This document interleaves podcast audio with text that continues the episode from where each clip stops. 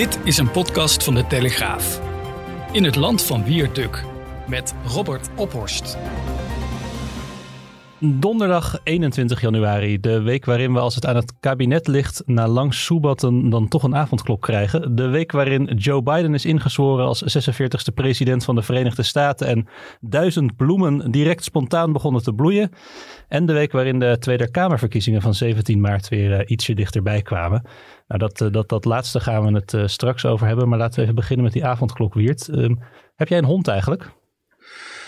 Uh, nee, en die kan ik ook niet even zo snel aanschaffen natuurlijk. Dus jij hebt um, geen enkel excuus om uh, straks s'avonds nog buiten te zijn? Nou, we hebben een vitaal beroep, hè? dus als we een pestkaart meenemen, moet, moet ergens naartoe. Dan, uh, dan hebben wij volgens mij het recht als journalist om buiten te zijn. Mm. Maar goed, dat is een beetje flauw, want ja. je gaat natuurlijk... Hè? Um, maar hoe vaak ben jij is... nog uh, s'avonds op pad deze dagen? Uh, nou, ik reis s'avonds wel heen en weer tussen uh, allerlei plaatsen en zo in de Randstad. Dus uh, wat dat betreft ben ik nog wel regelmatig s s'avonds buiten. Mm -hmm. um, en dan, wat mij dan opvalt in deze lockdown is trouwens, heb ik al vaker gezegd, dat je dan enorm veel mensen ook ziet. Ja. dus dat het beste druk is, althans veel drukker op de weg dan tijdens de eerste lockdown. Toen het toch echt, uh, hè, toen we het allemaal gehad over hoe stil de wegen waren, en hoe stil Nederland werd en zo. En Nederland ging helemaal in een soort, uh, soort retraite, leek het wel. En daar is nu echt geen sprake van. Um, dus dat is toch wel een heel belangrijk verschil. Um, maar goed, die, die, die avondklok, dat is natuurlijk een principieel. Um, een principiële kwestie. Ja. Weegt, en de vraag is uiteindelijk: weegt de teruggang in, eventuele teruggang in besmettingen weegt die op tegen de mate waarin je ingrijpt in de persoonlijke vrijheid van burgers. Mm -hmm. um, en uh, dat vind ik een hele delicate kwestie, omdat ja. ik dat laatste niet vind. En ik snap heel goed het verzet, uh, ook het principiële verzet van mensen tegen zo'n avondklok. Uh, en te meer ook, en ik meen dat dat ook het uh, commentaar van onze krant was vandaag, dat als jij niet een goede exit-strategie hebt en niet duidelijk kunt maken wat je met zo'n avondklok nou precies beoogt en uh, wat de inzet van die avondklok nou uiteindelijk voor deel is van een verder uitgewerkte strategie om mensen zo snel mogelijk juist weer meer vrijheid te gunnen, ja, dan is dat toch wel een heel, heel erg delicaat uh, uh, voorstel. Ja, er wordt, uh, terwijl we dit opnemen, nog driftig gedebatteerd in de Tweede Kamer. Er lijkt ja. zich nu een compromis af te tekenen dat de, de avondklok misschien later ingaat. Maar goed, als mensen ja. dit luisteren, is dat, uh, is dat pleit waarschijnlijk beslecht. Dus laten we daar niet uh, op vooruit lopen. Maar het is, het is waar wat je zegt. Hè. We hadden in de, vanochtend het hoofdredactioneel commentaar in de krant. Van ja, je kan het wel invoeren, maar wat, wat gebeurt er daarna dan? En daar lijkt inderdaad een, een, ja, toch geen duidelijk idee over te bestaan. We hadden vorige week zaterdag ook een groot verhaal in de krant van uh, collega's Alexander Bakker van de parlementaire redactie en Martin Visser van DFT. En daaruit bleek ook wel dat er, ja, er wordt wel nagedacht over hoe straks verder en hoe komen we uit die lockdown en hoe gaat het verder als een deel van de bevolking gevaccineerd is. Maar ja, echt concreet uh, wordt dat nog niet. Nee, en uh, dat heb ik ook al eerder geschreven, ook op Twitter, van hoe kun je nou van je bevolking vragen om in te stemmen met zo krankzinnig veel restricties op de persoonlijke vrijheid.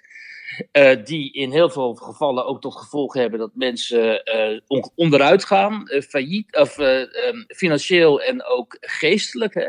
Dat zie je ook aan steeds meer jongeren die echt geestelijk in de problemen raken. En um, zonder dat je hen duidelijk maakt, jongens, we doen dit, hè, we vragen dit van jullie om uiteindelijk hier uit te komen. Ja. En Um, dat is vanaf het begin niet het geval geweest. Ze hebben kabinet en OMT niet kunnen uh, uh, leveren, omdat, uh, hè, omdat, zoals Rutte zegt, we moeten 100% beslissingen nemen terwijl we voor 50% in de mist waren. Dat snap ik, maar ook omdat men het onderling dus oneens is. Als je dan hè, ziet dat um, leden van het OMT in talkshows, waarin ze veel te veel aanschuiven, vind ik overigens. Uh, elkaar tegen gaan spreken. Hè? Dat in de ene talkshow iemand van het ONT pleit voor een avondklok en ja. de andere show tegen een avondklok. Maar dat ja. lijkt me ook dat dat achter de schermen gewoon de werkelijkheid is in die discussies met OMT-leden onderling. Dat, dat men het ook gewoon niet allemaal met elkaar eens is en dat er ook verschillende visies zijn. Ja, maar dat snap ik wel. Alleen dan moet je even. Kijk, wij uh, journalisten vertellen ook niet altijd alles over wat wij van een bron hebben gehoord, omdat we een bron in bescherming willen nemen, of omdat, hè, of omdat sommige zaken gewoon hè, niet naar buiten kunnen komen, nog niet op dat moment en zo. En dan moet je gewoon met elkaar afspreken binnen zo'n OMT en in overleg met de politiek. Ja, spreek met één mond spreek met één mond in dit geval, want dit is een calamiteitenkwestie. En uh, het gaat uiteindelijk om de politiek en om de manier waarop de politiek uh, dit naar buiten uh, brengt. En dan kun je wel allerlei individuele opvattingen hebben, maar ga dan even niet in een talkshow zitten. Hè? Want um, dat die mensen de hele tijd in die talkshow zitten, dat is gewoon een kwestie van ijdelheid natuurlijk. Ze willen zichzelf graag profileren. Ze zijn BN'ers geworden. En let op, ik pleit niet voor censuur maar vooral voor uh, verantwoordelijkheidsbesef. Ja. Um, en dat schiet uh, vaak tekort, waardoor er enorm veel verwarring is ontstaan in de samenleving. Echt veel te veel over alle, alle belangrijke kwesties in deze crisis. Hè, het broncontactonderzoek, uh, de maskers, dus de beschermende kleding, het testen, de vaccinaties, en nu weer de avondklok. Over alle heikele kwesties bestaat enorm veel verwarring. Er is enorm veel ruis op de lijn. Het is niet goed gecommuniceerd, vanuit alle kanten niet. En uh, ook als media kun je op een gegeven moment daar gewoon uh, bijna niet meer uh, een heldere stem in, hè, in, in, in formuleren, omdat er veel te veel ruis is ontstaan. Ja, en dat, dat, dit, dat, dit is trouwens wel heel interessant. Um, klassiek geval van een communicatiestoornis, zeg maar, in de samenleving. En later zal hier echt wel op teruggekeken worden door wetenschappers hoe deze crisis uh, in uh, communicatietechnisch totaal fout is aangepakt door um, de autoriteiten. Waardoor we nu dus zitten opgeschreven ook met een bevolking die voor een groot deel totaal niet bereid is om zich uh, aan zo'n avondklok te gaan houden. Ja. Omdat ze de afgelopen maanden te vaak hebben gezien dat hoe willekeurig um, maatregelen waren en hoe willekeurig ook inschattingen zijn geweest over de ernst van het virus en over het karakter van dit virus. Um, het is toch wel echt, als je goed nadenkt, is het toch echt heel merkwaardig dat er over, de werkelijke, over het werkelijke gevaar van dit virus en nu van die oprukkende mutanten, hè, dat er niet een eenduidig, uh, eenduidige analyse over bestaat in het publieke debat. Maar dat er dus nog steeds mensen zijn die zeggen, joh, dat valt allemaal wel mee. Hè? Mensen die eraan doodgaan, die zijn toch allemaal 70 jaar of ouder. Die zouden sowieso al overlijden. Die hebben allemaal onderliggend lijden en zo. En um, al die individuele gevallen, die anekdotische gevallen van uh, mensen van 20 of 30 die er daaraan zouden overlijden. Dat, is allemaal, uh, dat zijn allemaal eh, incidenten. Dat, dat is totaal niet structureel en zo.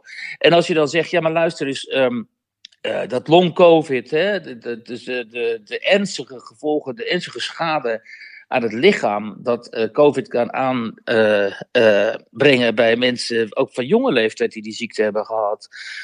Ja, daar wordt er gewoon overheen gewalst. Hè? En um, daar zou natuurlijk eenduidigheid over moeten bestaan, over de, de ernst en de, mm -hmm. het werkelijke karakter om die maatregelen te kunnen rechtvaardigen. In ieder geval bij 80, 90 procent van de burgers of zo. Maar ja, dat is er dus niet. En um, dat ik, is echt fascinerend, vind ik. Ik uh, sprak gisteren onze correspondent in België, Ruud Mikkers. En toen hadden we, het ging ook over die avondklok. Toen zei hij van, ja, zijn jullie daar nu nog aan het, over aan het uh, discussiëren? Hier in België hebben we dat al lang ingevoerd. En het deed hem ook een beetje denken aan dezelfde discussie over het mondkapje, waar ook uh, lang over gepraat is. Nou is dat, ja. dat wel een maatregel van baat het niet, dan schaadt het niet. En uh, ja, wat minder ingrijpend dan een avondklok. Maar ik snapte wel wat hij bedoelde. We, we hebben soms de neiging om maar door te blijven, blijven emmeren.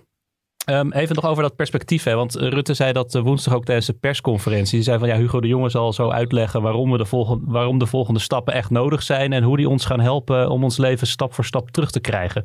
Toen, ja. dacht, ik, toen dacht ik van nou, nu krijgen we eindelijk die, uh, een blik op die omgekeerde routekaart. Hè? Hoe, kunnen we, hoe kunnen we straks weer afschalen en hoe komen we weer uit? Nou, ik vond dat verhaal van uh, de jongen wat dat betreft uh, op dat punt viel tegen. Het ging, uh, hij had het erover als alles mee zit, kunnen we aan het begin van de lente, uh, dan hebben we de meest kwetsbare mensen in de instellingen gevaccineerd en de mensen die voor hun zorgen en zijn bijna alle 85-plussers uh, geprikt. Ja, ja dat, is, dat is mooi, maar dat is wel een heel mager vooruitzicht voor het gros van de bevolking natuurlijk. Nou ja, kijk, dat, in, in alles is het natuurlijk mager wat, wij, wat ons wordt voorgeschoteld over het vaccin. Omdat wij ergens onderaan bungelen in de lijstjes van landen die vaccineren. Hè? Ergens uh, rond Bulgarije en zo. En andere landen, de top van de landen die vaccineren, die zijn er veel en veel verder dan Nederland. Dus, ja. uh, en ook dat is heel vreemd. Dat, dat, dat uh, een van de. Hè, Nederland zit toch altijd in de top 10 van rijke landen, van economisch welvarende landen, van landen die het goed doen, van landen waarvan de economie het goed doet, van landen die uh, digitaal zijn. Uh, in alle toplijstjes staat Nederland altijd, hè, ook in, wel, de rijkdom van zijn burgers en zo, althans uh, het bezit dat we dan zouden hebben, ook mede dankzij het huisbezit en zo.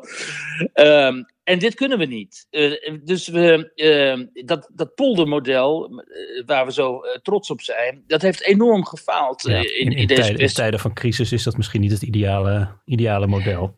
Nee, en we hebben natuurlijk de foute mensen op de foute posities gehad. Hugo de Jong heeft ook gewoon natuurlijk als minister ernstig gefaald. Mm -hmm. um, ja, en, en, en, en ook dat, maar er zit ook een hele merkwaardige discrepantie daarin in hoe de burgerij, zeg maar, uh, dat, dat, de perceptie ervan. Omdat nog steeds, hè, als je toch nagaat, deze hele crisis, hoezeer dit, dit kabinet uh, het, het eigenlijk slecht gedaan heeft in, in, al die, in, in bijna alle opzichten. En uh, dat dan de VVD nog steeds stijgt in de peilingen, ja, dat is onverklaarbaar. Ja, hè? Dat dat hadden we het vorige week ook al even over. Ja, en, en dat blijft natuurlijk zo. En nu zie je met die vaccinaties uh, uh, dezelfde uh, merkwaardige falen van organisatie en, en, en, en infrastructuur.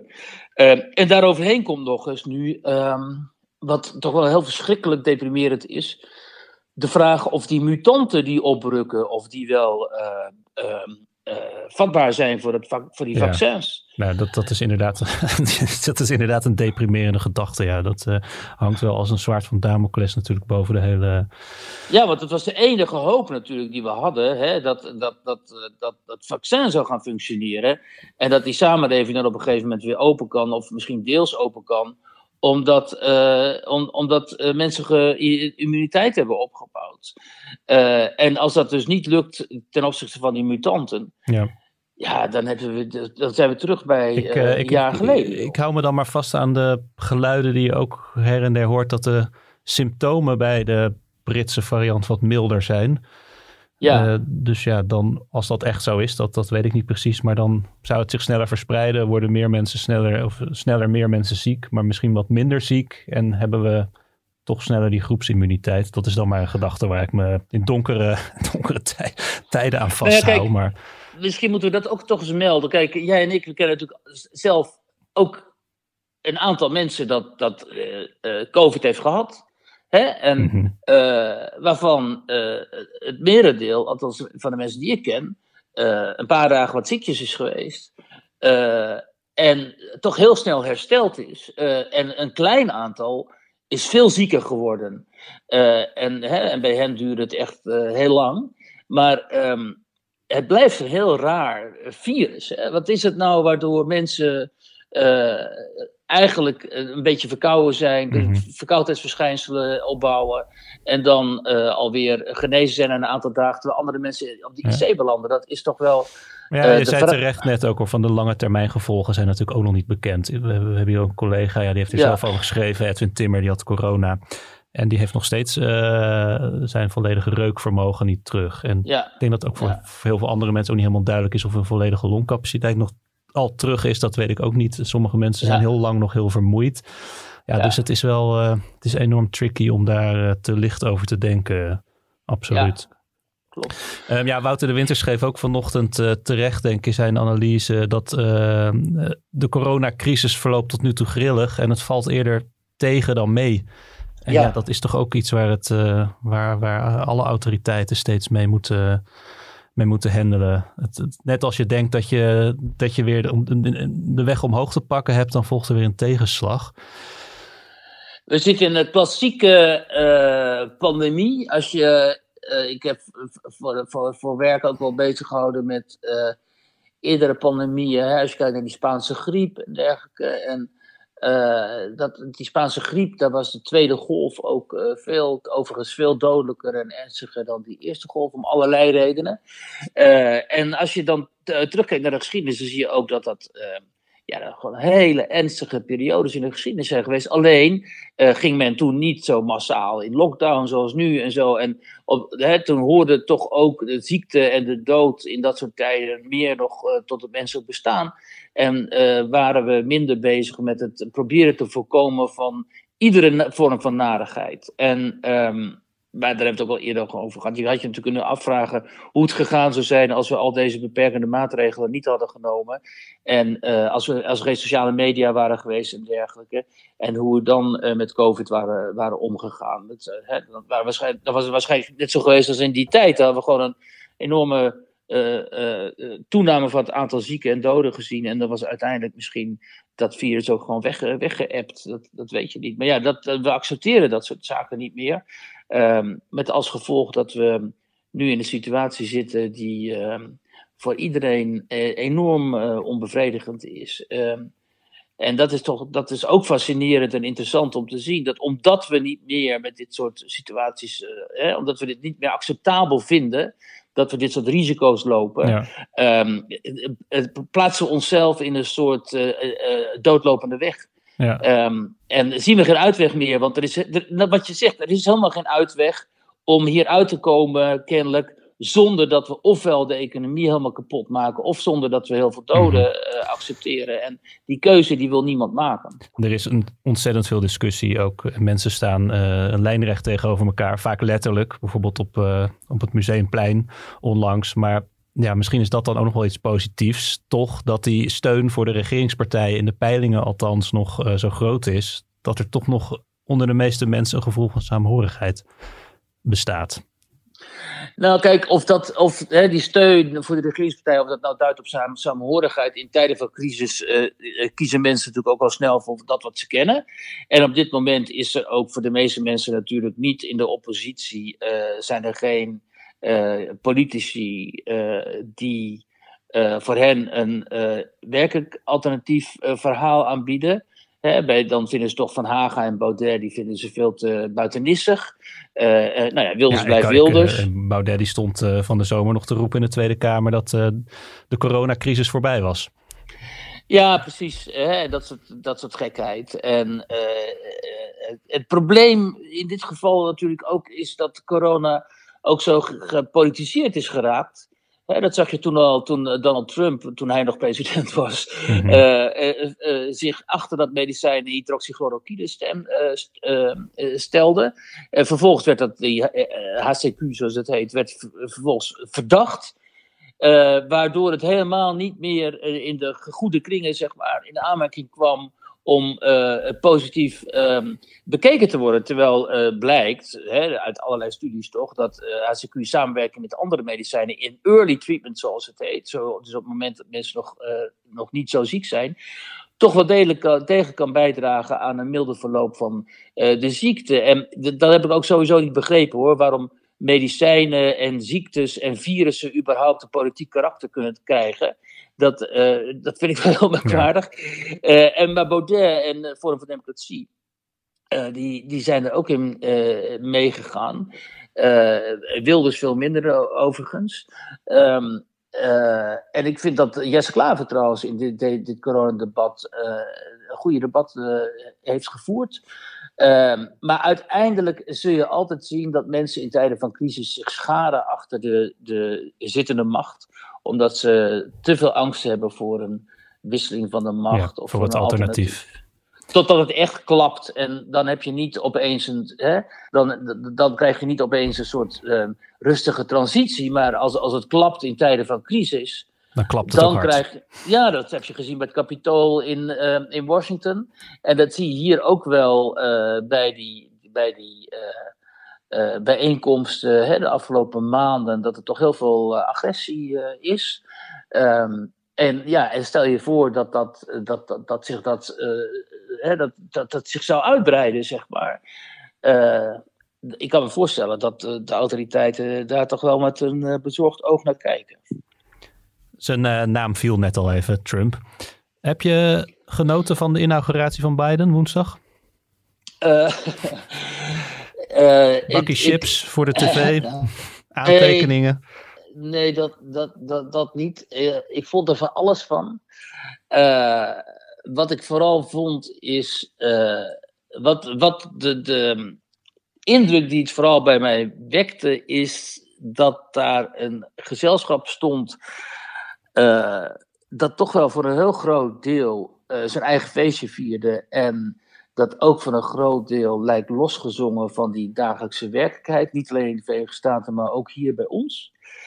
Ehm, omdat ze vooral met allerlei retoriek kwamen, Biden en anderen, die uh, volgens mij past, misschien, paste misschien destijds bij uh, de situatie in de Verenigde Staten toen uh, Barack Obama aan, aantrad als president maar niet langer nu. Mhm. Ehm, omdat de verschillen al zo groot zijn en die loopgraven al zo diep zijn. Ja, hij had het wel vaak over unity. Hè? We, moeten weer uh, nader tot elkaar komen. En hij noemde ook wel een aantal thema's meermalen. Uh, raciale ongelijkheid, het klimaat en uh, de verdeeldheid.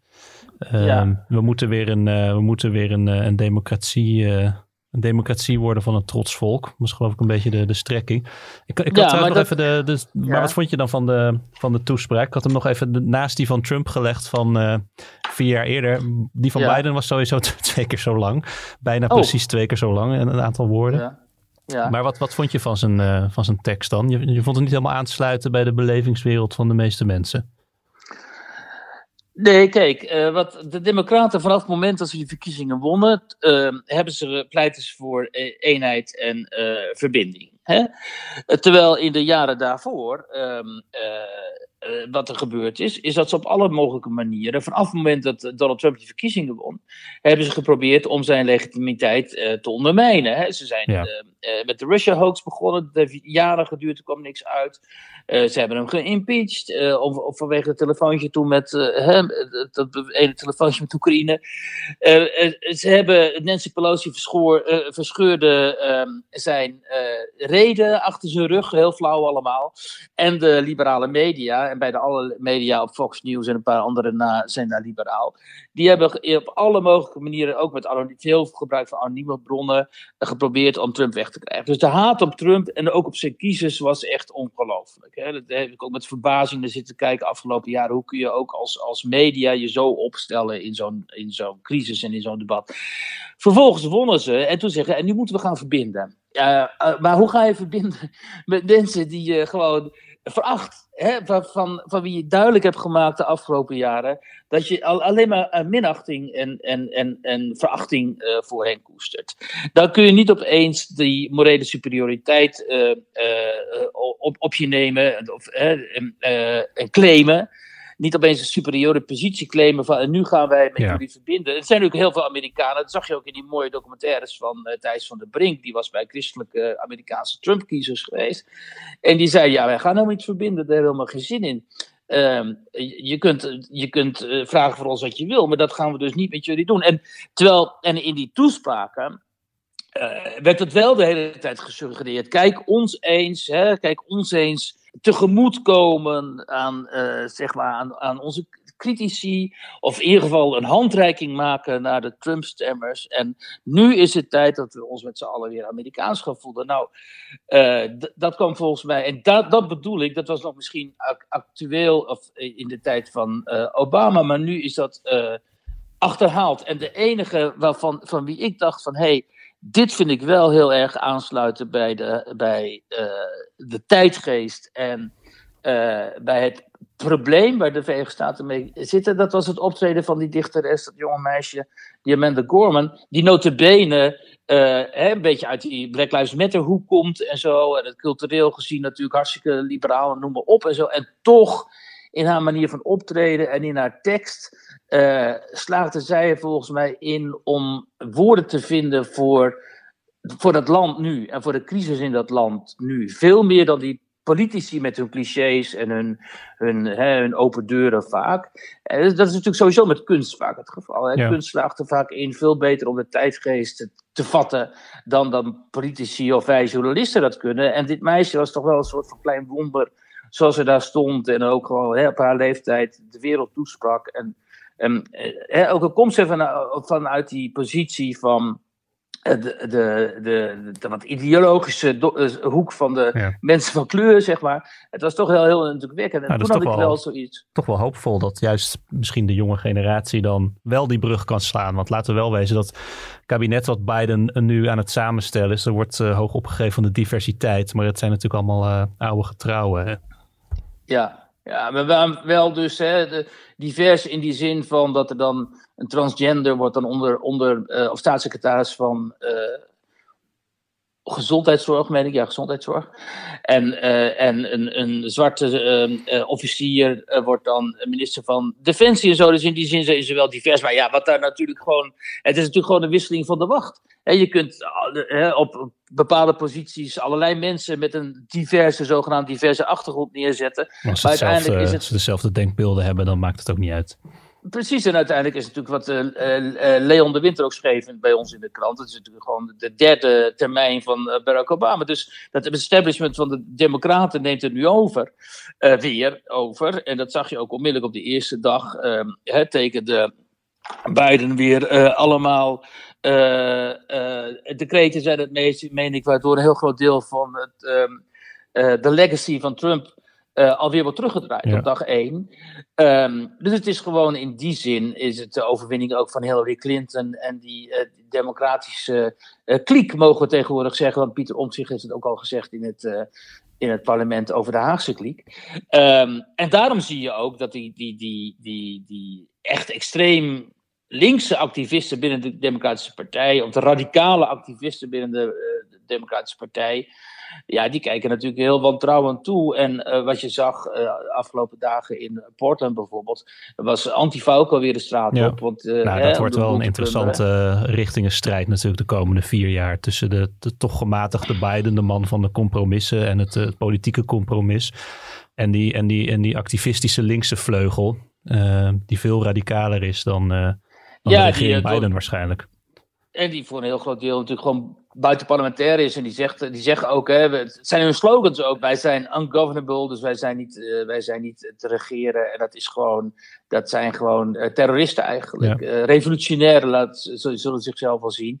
Wat ik wel weer interessant vind, moet ik toch even noemen, is dan die juichreacties ook in Nederland. Hè, wat toch heel merkwaardig is, dat je zit hier zo ver van de Verenigde Staten en de enige manier waarop wij eigenlijk met de Verenigde Staten te maken hebben is via de veiligheidsparaplu die zij uh, over ons optrekken via NAVO en, en via de, zeg maar de cultuur die wij vanuit Amerika. Ja, ik zag, ik zag Bert Koenders ergens voorbij komen die afgaf op het buitenlandbeleid. En ja, dat is toch, toch, toch wel treurig, inderdaad. Nou ja, kijk, aan de ene kant wordt dus ontkend dat Trump uh, in het buitenland succes heeft geboekt. Hè. Bert Koenders die zei van dat hij volgens mij geen enkel succes had geboekt. Nou ja, dat is aantoonbare onzin, hoeven we ook niet te herhalen hier. Wat Trump dan wel heeft bereikt. Maar ook echt die, die, die persoonlijke opluchting. Is Claudia de Brij, allemaal juichen. Oh mensen, hè, zo blij dat we hier nou van af zijn. En hoe vinden jullie dat ook? En Wouke van Scherrenburg die dan zegt van... Uh, uh, het oranje monster is weg. Mm -hmm. maar echt, weet je, alsof, mensen, alsof Trump die mensen echt persoonlijk iets heeft ja. aangedaan. Hè? En, uh, uh, en, en, en, allemaal mensen die zaten te huilen voor de televisie en zo. En dat is toch wel echt ook um, interessant om te zien. En dat er zo weinig afstand is tot die, tot, tot die cultuur in de Verenigde Staten. Terwijl eigenlijk de Verenigde Staten natuurlijk in zijn politieke cultuur, maar ook sowieso in zijn cultuur en in de manier waarop die samenleving in elkaar steekt en de manier waarop zij denken over uh, religie, maar ook over economische ordening en zo. Een totaal andere wereld is dan, dan Europa. Dus om je daar zo mee te identificeren, uh, is aan de, een, aan de ene kant heel raar en aan de andere kant is het ook helemaal niet goed omdat je dan aan de Verenigde Staten en aan politici in de Verenigde Staten um, dezelfde verwachtingen oplegt als uh, aan uh, Mark Rutte of uh, Geert Wilders hier in Nederland. Wat natuurlijk niet zo is. En nu zie je alweer, om even een bruggetje ma te maken. In deze verkiezingstijd zie ik dus de, de mannetjesmaker van Sigrid Kaag, dat is Dween. Dwayne van Diest, die we allemaal zagen zitten in de auto heen. Die documentaire van Sigrid Kaag, ik weet niet of je die gezien hebt. Voor, voor de mensen die gekeken hebben inderdaad. Ik heb een, stuk, ik heb een stukje gezien, maar niet, moet bekennen niet alles. Dan zie je Dwayne in de auto met, uh, met die enorme krullenbol van hem. En uh, die zie je dan ook heel, heel totaal beduust reageren op de vraag van Sigrid Kaag over FVD-stemmers, dus over forumstemmers. Dan zegt ze, wie zijn die mensen? En dan ja, Dwayne heeft natuurlijk ook geen idee, want die kent die mensen ook helemaal niet. Dus die kijkt dan eerst een beetje verdwaasd om zich heen. Zo van, ja, wie zijn die mensen eigenlijk? En dan zegt hij, klimaatontkenners. En uh, zo worden dan de Forum voor Democratie stemmers weggezet. En, um, uh, en nu uh, schrijft hij op Twitter, zag ik vandaag, um, PVV en forumstemmers zijn de Make America Great Again stemmers van Nederland. Dus zorg dat ze niet uh, in de Kamer komen of zo. Mm Stem ze weg. Zo van, dat zijn ook potentiële kapitool- of binnenhoofdbestormers. Ja. Uh, en zo één op één die, die situatie overbrengen naar, van de Verenigde Staten naar Nederland. Ja, dat, als, als dat het nieuwe, leid, nieuwe leiderschap is wat Kaag voorstaat, dan... Uh... Nou ja, je lijkt het verdacht veel op de, op de, oude polarisatie. Ja, dat is ook zo. Gisteren in de tweet ook hè, over de want vol, het schreef het Kaag dat met Biden waren dan fatsoen en respect teruggekeerd in de Amerikaanse politiek. En hopelijk gebeurt het dan ook mhm. in, uh, na 17 maart. En, maar dan ga je toch ook helemaal voorbij aan het feit dat Biden een, meubelstuk is daar in Washington. Dat er allerlei, uh, de geur van de corruptie ook rond die familie hangt. Dat er enorme problemen zijn met Hunter Biden, zijn zoon. Uh, en, en, dat je in Amerika, hè, in, die, in die politieke cultuur daar, niet decennia overleeft als je niet ook gewoon keihard en onfatsoenlijk en onrespectvol kunt zijn. Want anders overleef je dat daar niet. Dus dat is een hele merkwaardige uh, illusie van Sigrid Kaag. Dat er met, met, met, Joe Biden. En niet alleen Sigrid Kaag, maar ook hè, die mensen die ik eerder noemde, mm -hmm. Claudia de Brijzer. Dat er met, met, met, met Biden en uh, hoe heet ze, Kamala Harris. dat daarmee het fatsoen zou zijn teruggekeerd in de Amerikaanse politiek. Op dat niveau gaan mensen, politieke tegenstanders hoe dan ook keihard met elkaar om. En dat geldt ook voor Trump, dat geldt ook voor Obama en Clinton en zo. Zo gaat het gewoon op dat niveau. Nou, laten we hopen op meer uh, Amanda Gormans in deze wereld dan. Ja, maar goed, die laten zich dan meestal natuurlijk in, inkapselen en zo. En het, dat, dat is ook wel iets wat, wat ik wel belangrijk vind trouwens. Dat is ook zo naar dat uh, zoveel muzikanten, popmuzikanten en ook uh, culturele iconen uit Hollywood en zo zich totaal hebben laten inkapselen door dat politieke en ideologische systeem. En dat er nog maar heel weinig zijn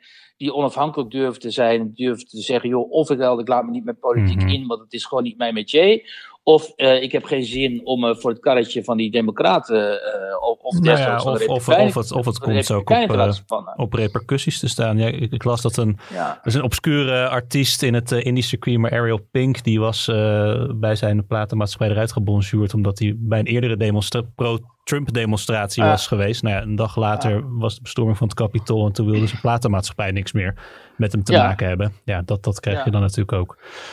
Ja, dat krijg je dan. Dat, uh, hè, dat is eerder gebeurd met die uh, voormalige voorman van de Smiths en zo. Die, uh, hè, die was ook voor Brexit, meen ik. en die is ook gewoon door de, de krant als The Guardian en zo helemaal, de, de, helemaal um, afgemaakt. En vervolgens mm -hmm. heeft dat natuurlijk invloed op, op hun carrière. En daarom, goed, ik vind kunstenaars, en die moeten zich gewoon buiten die, dat, dat dagelijkse politieke debat houden ook. Dat is gewoon iets verstandig. BBB. Uh, ik had er nog nooit van gehoord, maar het staat voor uh, Boer-Burgerbeweging. En het is een van de 89 politieke partijen die nu staan geregistreerd voor de Tweede Kamerverkiezingen van, uh, van 17 maart. je moet als nieuwkomer nog wel 580 ondersteuningsverklaringen kunnen overleggen. Wil je mee kunnen doen? Ja. Uh, wat is dat eigenlijk, zo'n ondersteuningsverklaring? En hoe kom je eraan? Want jij hebt er vandaag uh, in de krant een, uh, groot verhaal over geschreven. Ja, een ondersteuningsverklaring is dus um, wanneer iemand, gewoon een burger met kiesrecht, naar het gemeentehuis gaat en daar een verklaring aflevert waarin hij of zij zegt dat hij een bepaalde politieke partij die mee wil doen aan de Tweede Kamer, de nieuwe partij, steunt. Mhm. En daarvan hebben die nieuwe politieke partijen er in totaal, zoals je zegt, 580 nodig, verdeeld over kiesdistricten in Nederland. Dat zijn er 20. Ehm, daarvan één is op Bonaire, daar moeten ze 10 uh, van dit soort ondersteuningsverklaringen, OSV's, binnenhalen. En in de andere 19, uh, 30. En dan kom je uiteindelijk uit op uh, eh, 580. En Bonaire natuurlijk, omdat daar veel minder mensen wonen. En het is gewoon ingewikkelder om daar mensen te vinden die zich willen inspannen. Ja, voor maar het is sowieso ingewikkeld nu in deze tijden, begrijp ik uit jouw verhaal ook. Ja, daarom wilde ik dit verhaal ook maken, omdat in tijden van corona en lockdown. Uh, krijg je natuurlijk niet zo snel mensen gemobiliseerd om naar het gemeentehuis, ook daadwerkelijk naar het gemeentehuis te gaan. En nu wilde uh, Femke Merel van Koten, hè, die inmiddels onafhankelijk Kamerlid is, maar vroeger voor de Dierenpartij en daarnaast flirten ze nog met 50 plus in de Kamer zat, maar nu zeg maar een pitter is, die had ook voorgesteld in een abonnement op de kieswet om, op, althans op de speciale kieswet voor de komende verkiezingen, om dan dit online mogelijk te maken, zodat mensen niet per se naar zo'n balie hoeven. Nou, dat is weggestemd in de Kamer. Ook wel een beetje logisch, omdat die partijen in de Kamer zitten natuurlijk niet te wachten op nog meer partijtjes. Mm en dat betekent dat mensen toch altijd door weer en wind op de fiets of op de brommer naar het stadhuis moeten. En uh, het interessante is, als je daar gaat roeten in zo'n verhaal, dan, dat dan blijkt dat bijvoorbeeld uh, de toezegging van minister Ollongren dat de gemeentehuizen open moeten staan voor deze mensen, dat het, dat het niet zo moet zijn dat deze mensen eerst afspraken moeten maken en zo, dat die natuurlijk in heel veel gemeentes gewoon niet wordt, uh, dat daar niet aan wordt uh, gehouden. Nou ja, daar, daar keek ik inderdaad wel van op, want jij voert Ronald uh, Man aan, die ja. voor de partij en al beter actief is. En die zei van ja, We, we, stuiten ook op Bali-medewerkers die niet eens weten wat een ondersteuningsverklaring is. En als ze het wel weten, kom je er ook tegen. Dat was dan bij een stadsloket in Amsterdam, werd door burgers uh, afgeraden er een te ondertekenen. Want er zijn al te veel partijen. Ja, dat, dat, ja, dat was echt wel een geweldig verhaal. Hij was zo boos, deze man. Uh, hij is zelf psychiater. En hij, inderdaad, het was hem dus overkomen dat hij gewoon hè, bij zo'n Bali was. En dat die Bali-medewerker zei: Ja, ik heb geen idee waar je het over hebt, maak maar een afspraak. En ik weet niet wat een ondersteuningsverklaring is. En toen zijn ze op gaan spelen. Toen hebben ze dus een wat hogere in rang ambtenaar uh, laten komen. Zo van, ja, dit accepteren wij niet. En die, die, die, en die ambtenaar zei dus van, luister eens, er zijn er veel te veel partijen. Dus het is sowieso niet zo'n goed idee. Alsof zo'n ambtenaar erover gaat.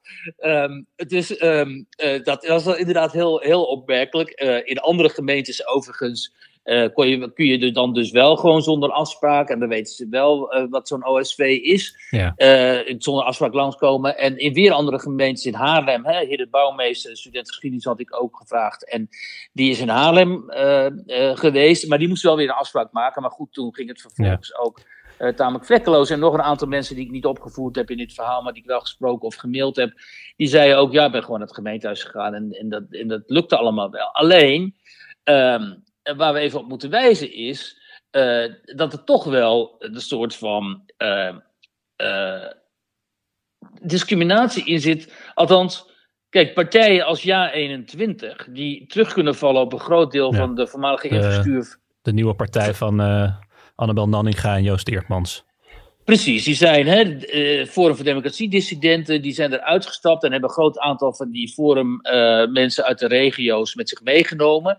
Dus die kunnen gewoon terugvallen op een netwerk in de regio's dat al bestaat. Omdat die mensen die op, eerder op Forum stemden of voor Forum actief waren in de provincies, die zijn het nu voor hun. En die kunnen natuurlijk wel hun families uh, mobiliseren en een aantal van die mensen zover krijgen om naar het gemeentehuis te gaan. En dat geldt ook wel voor die boer-burgerbeweging van Caroline van der Plas. Die zijn ook al heel lang actief, of heel lang, in ieder geval sinds 2019. En die hebben een grote achterban, vooral op het platteland, hè, onder de boeren. Uh, en die hebben eigenlijk alles wel binnen. Die hebben eigenlijk, al, hè, dat is een fluitje van de cent voor hun nog. En dan zijn ze klaar. Terwijl een partij als Splinter, dat is dan een nieuwe partij van Femke Merel van Koten, die geen infrastructuur heeft in de provincies. Uh, voor hen is het heel moeilijk. Ja. Die zijn nog lang niet. Zij heeft tenminste nog wel eens voordeel dat zij een bekend gezicht is en een bekende naam. Precies, dat heeft ze dan nog als voordeel. En ze zou nog kunnen zeggen: luister eens voor de zorgpersoneel. Ik heb ervoor gezorgd dat jullie die zorgbonus hebben gekregen. Dat was mijn amendement. Dus hè, laat mij ook. Ja, ze heeft ook politieke wapenfeiten die ze kan overleggen. Ja, precies. Om het wat abstracter te zeggen. Die kan ze overleggen en mensen kunnen op basis daarvan besluiten: ja, ik heb wel vertrouwen in haar.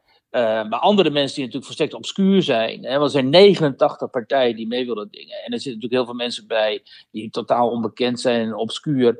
Uh, die gaan natuurlijk niet het benodigde aantal OSV's uh, eh, bij elkaar verzamelen. Waarschijnlijk wel Richard de Mos hè, met zijn code oranje. Want hij is toch een bekende figuur, zeker in Den Haag. Ja. En hij heeft een aantal bekende mensen ook weten te strikken voor zijn lijst. Dus die gaat het ook wel halen waarschijnlijk. En wat zeg je dan tegen de luisteraars die denken van ja, hmm, misschien zijn er ook wel te veel partijen? Uh, ja, de, dus die, dat, er zijn natuurlijk te veel partijen die mee willen dingen, maar uiteindelijk zijn er niet te veel partijen die in de Kamer komen, vind ik. Uh, en dan ben ik het eens met Geert en Waling, historicus net als ik, en columnist. Die schrijft, ja jongens, er zijn nu eenmaal, dit is de democratie. Er zijn mensen die zien een democratisch tekort bij andere partijen. Die herkennen niet in andere partijen dat hun belangen uh, of hun idealen door hen worden vertegenwoordigd. En als ze dan een partij oprichten zelf, en ze zijn zo enthousiasmerend dat ze mensen zover krijgen om zich daarbij aan te sluiten en uh, voor hen op hen te stemmen, ja, dan is dat alleen maar de democratie in werking. En daar ben ik met hem eens. Uh, democratie is gewoon af en toe ingewikkeld. Uh, en, en lastig. En meerderheden krijgen in de Kamer wordt dat ook extra lastig en zo. Maar ja, dat is gewoon uh, zoals wij het hebben opgezet met z'n allen. En ik ben niet voor een kiesdrempel. Uh, Duitsland heeft bijvoorbeeld een kiesdrempel, waardoor, altijd, waardoor het heel moeilijk is om het parlement in te komen. en dat vind ik helemaal geen, dat vind ik helemaal niet wenselijk, omdat je dan heel lang uh, allerlei sentimenten die wel leven in de samenleving uh, buitenparlementair houden. Bijvoorbeeld de AFD, hè, die toch een mhm. heel duidelijke stem is van de, zeg maar de boze de blanke burgers in Duitsland.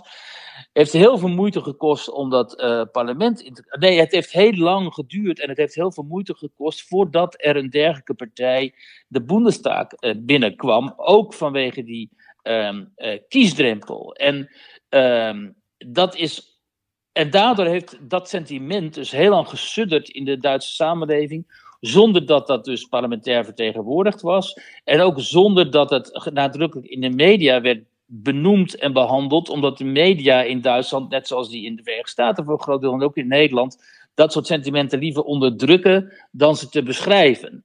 En om, in zo'n systeem groeit dat sentiment dan alleen maar. Dus ik heb liever dat sentiment zo snel mogelijk in het parlement, als het inderdaad een stroming is in de samenleving. In plaats van dat het ergens gaat borrelen en mhm. groeien. En, en net zoals met Denk. Denk geeft toch heel duidelijk gehoor aan een bepaald publiek in Nederland. En dat is er nu eenmaal, kun je mee eens zijn of niet, maar dat bestaat.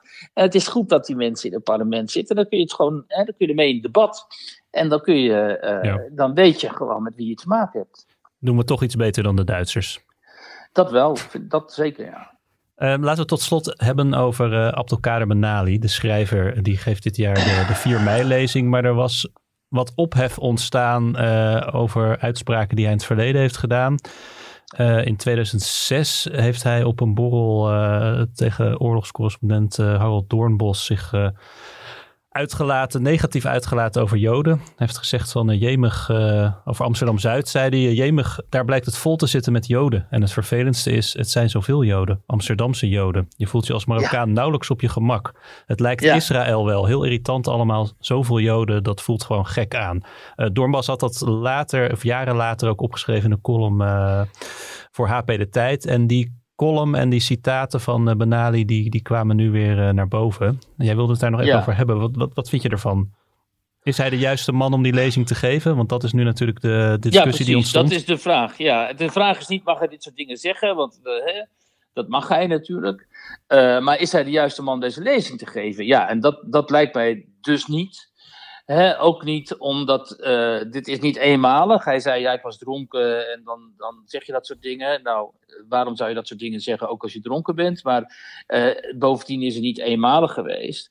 Uh, bijvoorbeeld toen Ruben Oppenheimer, een cartoonist die wij allemaal wel kennen, een bekende cartoonist van wie de halve familie is uitgemoord door de nazi's. Toen, die, toen diezelfde Oppenheimer in 2016 een cartoon tekende waarin de spot, de spot dreef met uh, Diab Abu Jaja, dat is die uh, publicist, uh, die in het verleden ook zichzelf wel nou ja, schurend heeft uitgelaten, laat ik het zo zeggen, over Joden. Mhm. toen hij een cartoon had gemaakt, toen reageerde Ben Ali, die Abu Jaja goed kent, kennelijk, met de tekst: Deze cartoonist, dus Oppenheimer, zou in de nazi-tijd zich werkelijk hebben uitgeleefd. Nou ja, dat zeg je dan dus over een cartoonist van wie een groot deel van de familie tijdens de Shoah is vermoord. Hè? Um, en, en er zijn meer. Uh, ook over Hans Theeuwen heeft hij gezegd. Hans Theeuwen vindt dat hij oorlog voert tegen de islam. Dat is prima, maar dan kun je wel tegen de verkeerde aanlopen. Dat is geen reden om die oorlog niet te voeren, maar er kan altijd een gek opstaan en paf. Ik zou als ik Theo was vooral in Oud-Zuid blijven als ik hem was. Ja, dit zijn natuurlijk hele uh, hele provocerende uh, opmerkingen. En waarom zou je zo iemand, terwijl je toch de keuze, voldoende keuze hebt, die, uh, die lezing laten geven? En ehm, de, de 4 mei-lezing, dat is dan de 4 mei-lezing, de dode herdenking, Nieuwe Kerk. en dat past in een patroon. Dat past in een patroon. vorig jaar zei Arnon Grunberg, die toen de lezing hield, uh, die had zoiets, uh, in zijn analyse kwam erop neer uh, dat de Marokkanen de nieuwe Joden zijn.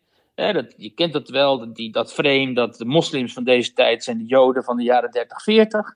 Wat natuurlijk van geen kant klopt. Hè. Maar goed, dat is het frame waarin mensen willen gaan geloven. En eerder was er al eens een keer een akkefietje, ook toen, de, en dat was, moet ik even opzoeken in welk jaar dat was in 2017 was dat, toen was Juliette Rot, het Zaanse raadslid, dat was uitgenodigd om uh, naar een uh, tafel te komen om te praten uh, tijdens de nationale, denk ik, het vrijheidsdebat was dat. En mhm.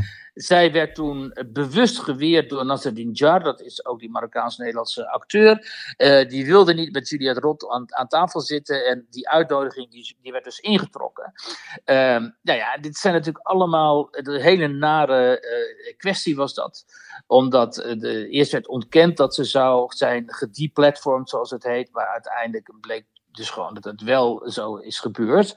Ehm, en je kunt je afvragen waarom uh, wil dit comité zo provoceren en waarom vinden ze niet gewoon iemand, mensen bereid die uh, ofwel een verleden hebben uh, dat aansluit bij wat er herdacht wordt, dus mensen uit de Joodse gemeenschap. Dat was Schumberg natuurlijk wel. Ja, maar dan ga je dus uitgerekend Grunberg, dat is een goede opmerking van hem, dan ga je dus uitgebreid, uitgerekend Grunberg vragen die hier over hele, uh, uh, toch wel, uh, zeg maar, recalcitrante en provocerende ehm, opvattingen heeft. En dan wil ik, ik kreeg via via een tekst van een oudere Joodse meneer, die zich hier ook eh, over aangesproken, nou ja, die, die zich hier gekwetst over voelt. En, en die onder andere schreef, ehm, de afgelopen jaren werden wij door het Nationale Comité onder andere getrakteerd op het voornemen om Auke de Leeuw een gedicht over zijn oudoom die bij de SS diende te laten voordragen op de Dam. Een opgetogen interview in een magazine met freule Isabel van Boetselaar, die een boek vol grote en kleine falsificaties en met antisemitische passages schreef over haar familie. Uh, en verder uh, daar krijgen we nu ook nog de kennelijk antisemitische Abdelkader Benali, uh, uh, kunnen we daar aan toevoegen. Wat blijft er op deze manier over van de dodenherdenking? Voor mij niets meer. Waar komt toch die behoefte vandaan om voortdurend te willen provoceren bij een plechtigheid die bedoeld is om de slachtoffers waardig te herdenken? Ik vind dit alles diep kwetsend. De tijd dat ik ongehinderd mijn honderden, honderden vermoorde Joodse familieleden en de dappere verzetshelden die mijn ouders redden kon herdenken, is klaarblijkelijk voorbij. Hen niet meer herdenken is, zoals Elie Wiesel, dat is de bekende Joodse acteur, hè, uh, auteur, de bekende Joodse schrijver, zei. Hen niet meer herdenken is, zoals Elie Wiesel zei, alsof je de slachtoffers nogmaals vermoordt.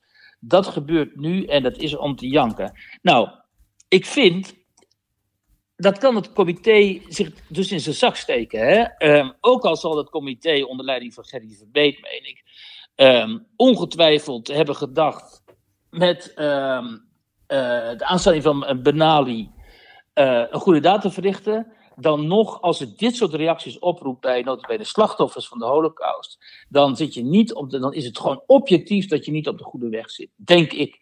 En uh, daar zouden ze toch wel eens over moeten gaan nadenken. Nou, dat lijken me dan heldere woorden om mee af te sluiten voor deze week. Wiert, ik, ik dank je weer hartelijk. Dank je, Robert. En alle luisteraars uiteraard ook bedankt. En niet naar buiten nou, s'avonds. Nou, ik wens alle luisteraars veel sterkte, eerlijk gezegd. met avondklokken, met alle ellende rond de mutanten die nog speelt. Dus we moeten hen inderdaad een hart onder de riem steken.